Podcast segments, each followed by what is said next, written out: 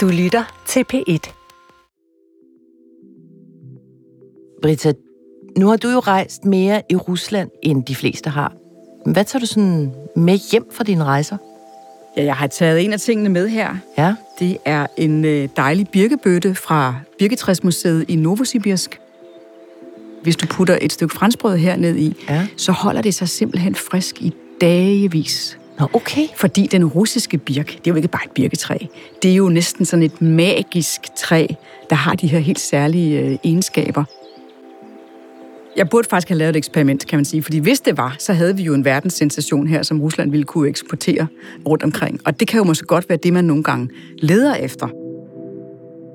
Hvorhen er den russiske iPhone, de russiske Levi's, den der form for populær masseproduktion, som vi alle sammen vil gå ud og købe i en butik herhjemme, medmindre du skal have fat i øh, en øh, Kalashnikov.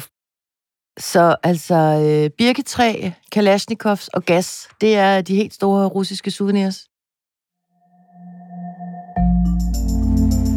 Mit navn er Stephanie Suryk, og jeg er udenrigskorrespondent her på DR. Vi er i gang med Udsyns sommerserie om verden, som den ser ud, ifølge fem af dens allervigtigste statsledere. Og i den her uge, der undersøger vi jo, hvad der har formet Vladimir Putins verdensbillede, og ikke mindst, hvordan hans drømme ser ud, og hans udfordringer. Og for Putin, der findes en af hans største ressourcer og udfordringer netop under jorden i Rusland. Russia is one of the world's top producers of oil and natural gas. Russia is a gas station masquerading as a country. Putin, han har gjort gassen til et våben, With its vast network of pipelines connecting it to its neighbors, Russia can exert significant influence outside of its borders.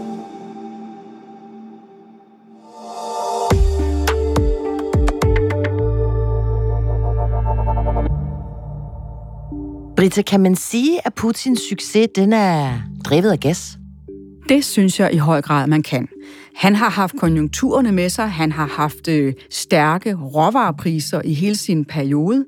Det har betydet, at øh, han kunne betale landsgæld tilbage. Det har betydet, at han havde råd til, at der blev sparet op i nogle store pensionsfonde, at sikre den russiske befolkning i hvert fald et vist niveau af velfærd. Han har haft råd til, at hans øh, nære omgangskreds øh, også har nyt rigtig godt af den store øh, rigdom, som ligger i de her naturressourcer.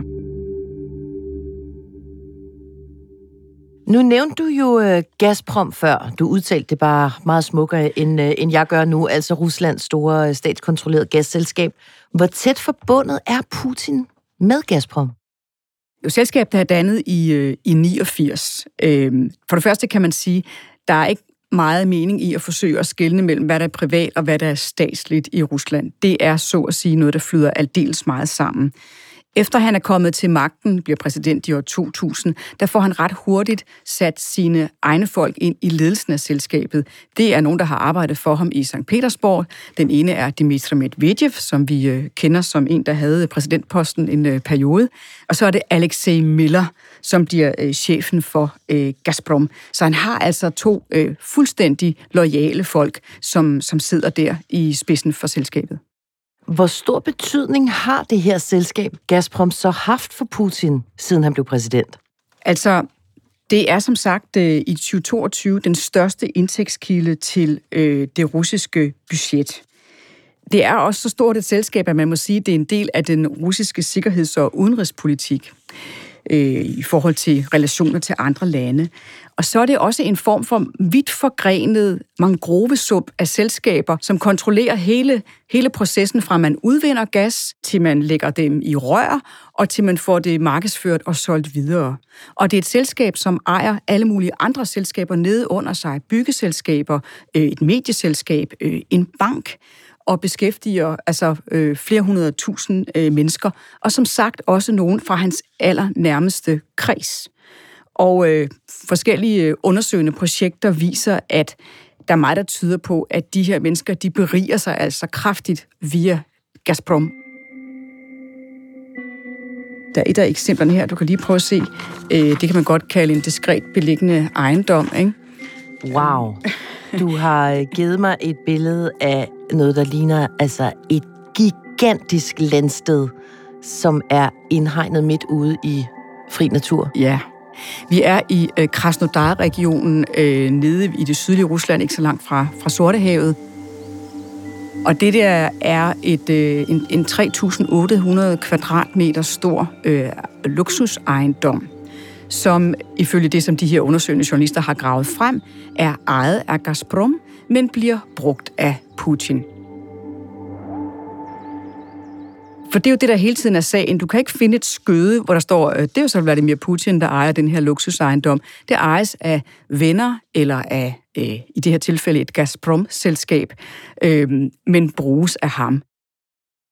Det er jo helt tydeligt, at øh, gassen den gavner både Putins øh, private pengekasse og letter hans liv, når han skal holde ferie på øh, paladset der, som du lige har vist mig. Men det gavner selvfølgelig også den russiske økonomi. Gavner gassen så Putins internationale relationer?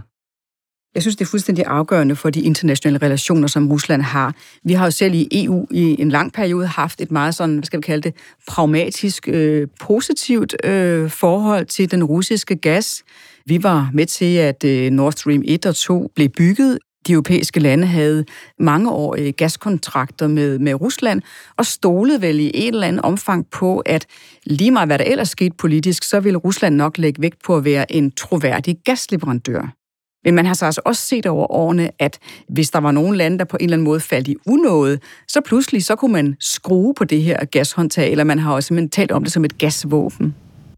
Og der er jo også billeder, for eksempel af, af den tidligere tyske kansler Merkel, som jo står sammen med, øh, nogen vil kalde ham for Putins nikkedukke, du nævnte ham før, øh, Medvedev. Altså, det var dengang.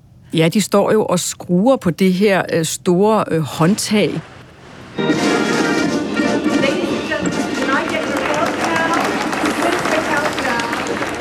Som er åbningen af Nord Stream 1. Øh, Sådan en rigtig øh, iscenesat øh, situation. Nu åbner vi for gassen i fællesskab, ja. Hvornår viser øh, Putin første gang, Brita, at han er villig til at bruge gassen som politisk våben, når tingene ikke går, som han vil have det?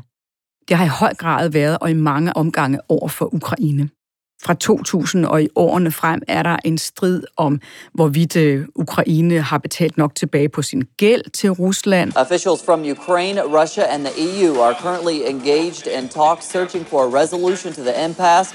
Russia provides half of Ukraine's gas and a third of the EU's supply, much of which is pumped through Ukraine. Der bliver lukket, der bliver skruet ned, og så bliver der lavet nye aftaler. Lad os lige spole tiden tilbage til annekteringen af Krim i 14. EU svarer jo igen med nogle sanktioner. Ja. Hvad er det for nogle sanktioner? Og måske især, hvad er det ikke for nogle sanktioner? Ja, hvad er det ikke? Fordi det handler jo netop ikke om det, vi lige var så godt i gang med, nemlig samarbejdet om denne her gas. Altså, Øh, få år for inden, der har vi taget Nord Stream 1 gasrørledning gennem Østersøen i brug, og man er i gang med at øh, konstruere og forhandle om Nord Stream 2. Og det kører videre. Det, man indfører, er nogle sanktioner, som er rettet mod blandt andet det, man mener var ansvarlig for den her manipulerede afstemning på Krim om at slutte sig til Rusland. Og så kommer der et svar fra russisk side. Øh, du kan sikkert huske på et tidspunkt, så var det slut med at sælge danske pølser og så videre til Rusland. Men det var sådan en russisk gengældelse for den her uvenlige handling. Men vi sætter ikke det store skyts ind i 14, som man så gør i, i 20 øh, efter angrebet mod Ukraine. Så Nord Stream får lov til at øh, ligge der efter Men, men som vi alle kan huske, der er jo en stigende diskussion om, er det nu en god idé med den her Nord Stream 2? Og altså, Danmark blandt andet øh, snor sig og prøver på, er det os, der skal sige ja til, den skal bygges, eller kunne vi få EU til det? Men den bliver jo altså bygget. Og det er jo selvfølgelig Gazprom, der har den russiske ende af den her aftale. Ja, men altså, jeg tror også, man må sige, at EU slog afskillige koldbøtter på sig selv i forhold til på den ene side at ville sikre sine forsyninger, og på den anden side øh, forsikre også omverdenen om, at vi ikke var i lommen på Rusland. Men vi har nok i Europa kunne ane advarsler om, at vi øh, gjorde os selv ekstremt sårbare. Og alligevel fortsætter det her samarbejde jo altså med Nord Stream 2. Cheers from workers as Nord Stream 2 is completed. The gigantic infrastructure project has even bigger political implications. Så der kan komme endnu mere gas fra Putins Rusland til os her i Europa. I 2021, der er de her gigantiske rørledninger nede på havbunden altså færdige, og så samtidig er spændingerne mellem Rusland og Ukraine jo bare vokset og vokset. Og så sker der jo det i starten af 2022, at vi ser, hvordan Putins kampvogne de ligesom bliver opmarcheret langs grænsen til Ukraine.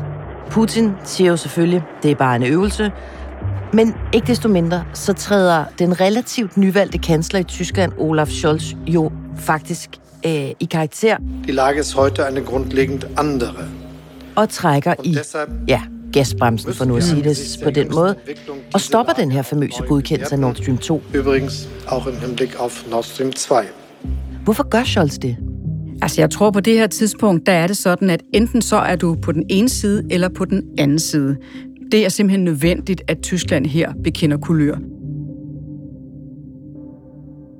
Og undervejs i det her, der bliver Scholz jo kaldt for putin Ja, det er hvad, hvad er det, og er, det, øh, er det en kompliment? Nej, det er det så absolut ikke, vel? Altså, det er jo et ord, som, øh, som er tysk, øh, fordi der har været den her diskussion om, har man været for eftergivende, og ligesom sagt, vi må også se det fra Putins synspunkt, og vi kan heller ikke tillade os at udvide NATO og så videre, som nogen i den tyske diskussion har, har stået på. Og jeg kan ikke sige, at det har været Scholz's linje overhovedet, men der er ikke plads til den her midterposition længere. Overhovedet ikke. Fronterne skal trækkes op. Absolut. Og det blev de. Og krigen begynder. Hvordan ser man så at begge sider, altså Rusland på den ene side, resten af Europa på den anden, prøver at øh, bruge gassen på det her tidspunkt til at presse den anden part? Jamen, dels er der stop i de russiske leverancer. Dels så svarer Rusland igen med at forlange, at nogle af de her leverancer bliver betalt i rubler. Øh, hvorfor det? Fordi øh, rublen er faldet og er under pres, men det kunne så være en måde at tvinge gaskunderne til at øh, hjælpe med at stabilisere den her valuta igen. Og på den europæiske side er der stor bekymring for, har vi nu gas nok i lagerne?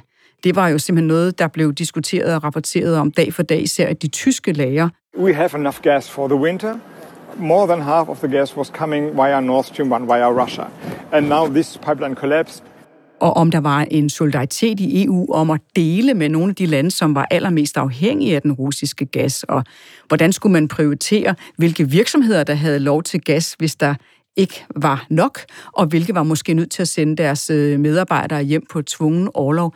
Øh, altså, det var jo sådan, diskussionen var. Måske har vi næsten glemt det. Men vi kommer nok til at diskutere det igen der kommer en vinter mere. Mm. Det var jo en mild vinter, øh, og det endte med, at, at lagerne faktisk øh, var fyldt op, og vi, øh, vi klarede os øh, rimelig godt igennem, og vi øh, fik øh, ret hurtigt skiftet om til andre leverandører. Flydende gas fra USA blandt andet, øh, mere gas fra, fra Norge. Men lagerne med russisk gas, dem har vi ikke længere. Så hvis det bliver en kold vinter... Det må vi jo øh, se. Så må vi finde øh, striktøjet frem.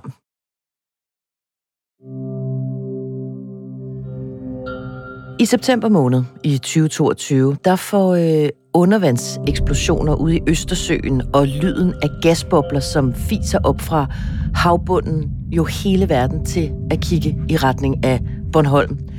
Og Britta, i dag ved vi jo ikke med sikkerhed, hvem der står bag sabotagen på Nord Streams gasrørsledninger, men det vi med sikkerhed ved, det er, hvor sårbar vores infrastruktur er i Europa, i Danmark.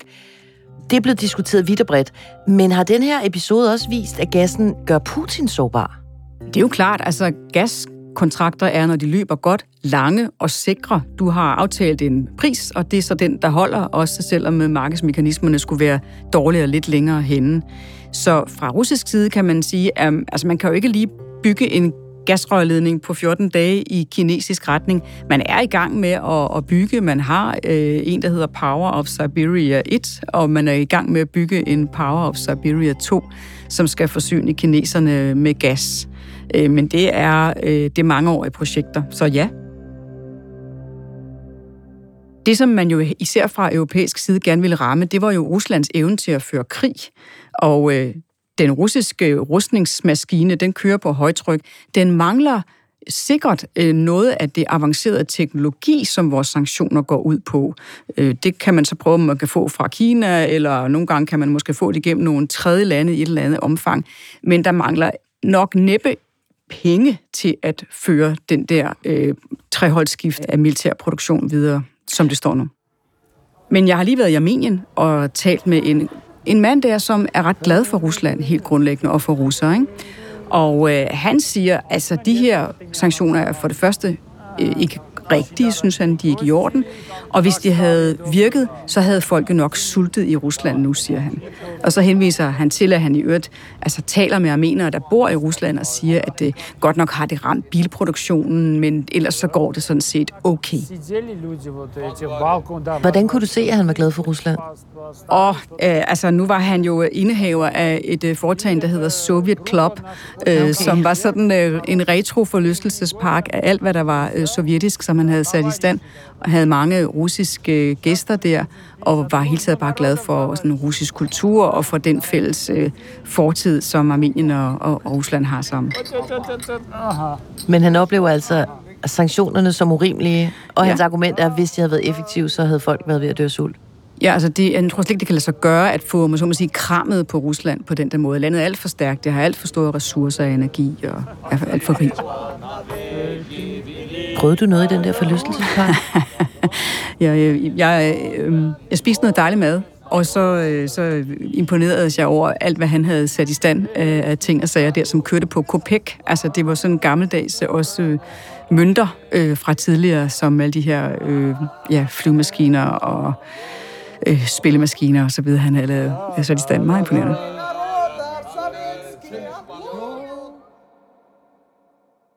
Men for at finde ud af præcis, hvor meget magt Putins gas giver ham i dag, øh, Britta, så synes jeg, vi skal ringe til en, som du øh, har rigtig meget fidus til. Ja. Det er en øh, dame, som i Danmark er en af dem, der ved allermest om lige præcis det her emne. Det er nemlig øh, Trine Willemsen Berling fra DIS. Trine, kan du høre os? Ja.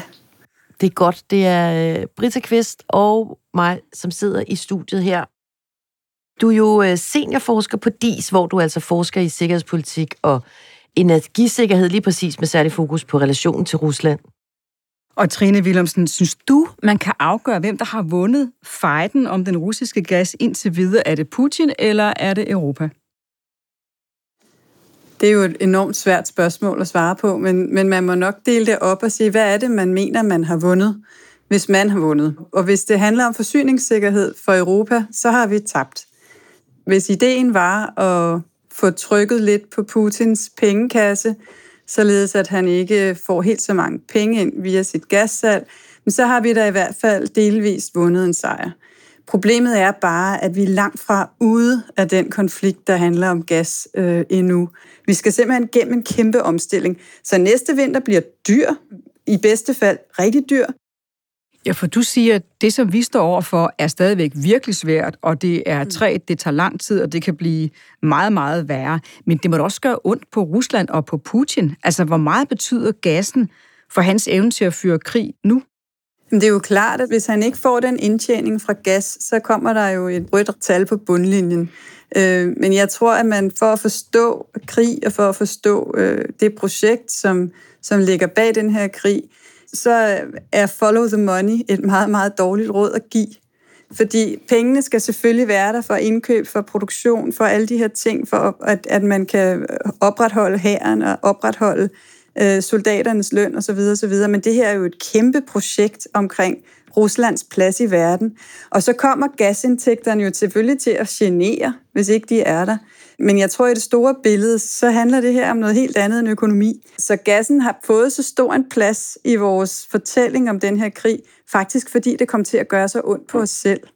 Men Putin tjener flere penge på at sende olie rundt i verden, øh, og den bliver købt gladeligt. Øh, der er jo masser af stater i verden, der gerne vil købe den olie, som Europa nu har sanktioneret og har sat et prisloft på. Øhm, så pengene bliver jo selvfølgelig ved med i en eller anden udstrækning at strømme ind i den russiske statskasse. Hvis man vil se, hvilke lande, som i virkeligheden er fuldt og helt på vestens og Ukraines side, skal man så lige præcis kigge på, hvem der stadig køber olietønder fra Putin? Jamen, man kan jo, I stedet for at sige follow the money, så siger vi follow the oil. Fordi, for det er klart, at hvis du bliver ved med at, at acceptere at købe olie af Rusland lige nu, så er det jo fordi, man politisk set ikke har stillet sig på den side, øh, som EU og USA har stillet sig på, som hedder, at nu sanktionerer vi alt, hvad vi kan sanktionere. Så det, altså, det er et meget godt billede på, hvor de nye brudflader i verden går. Om hvorvidt man som Indien godt vil købe øh, masser af olie til en, en, en favorabel pris, fordi der er meget af russisk olie lige nu, der ikke ellers skal finde et sted at komme hen. Trine Willumsen Berling, det var godt at have dig igennem. Tusind tak for din tid. Det var så lidt.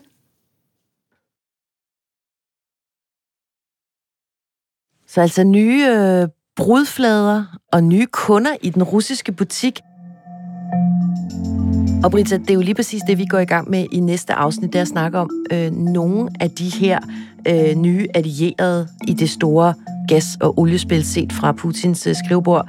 Altså, hvem er egentlig hans vigtigste internationale venner? Skal vi ikke lige tage en bid brød? Og så kunne vi måske øh, tage din øh, birkebøtte med og se, om det holder sig frisk, og så gå op igen og lave et nyt afsnit? Det gør vi.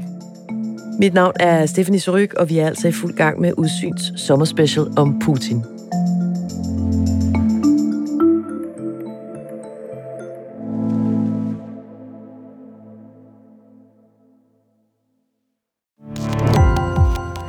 Gå på opdagelse i alle DR's podcast og radioprogrammer. I appen DR Lyd.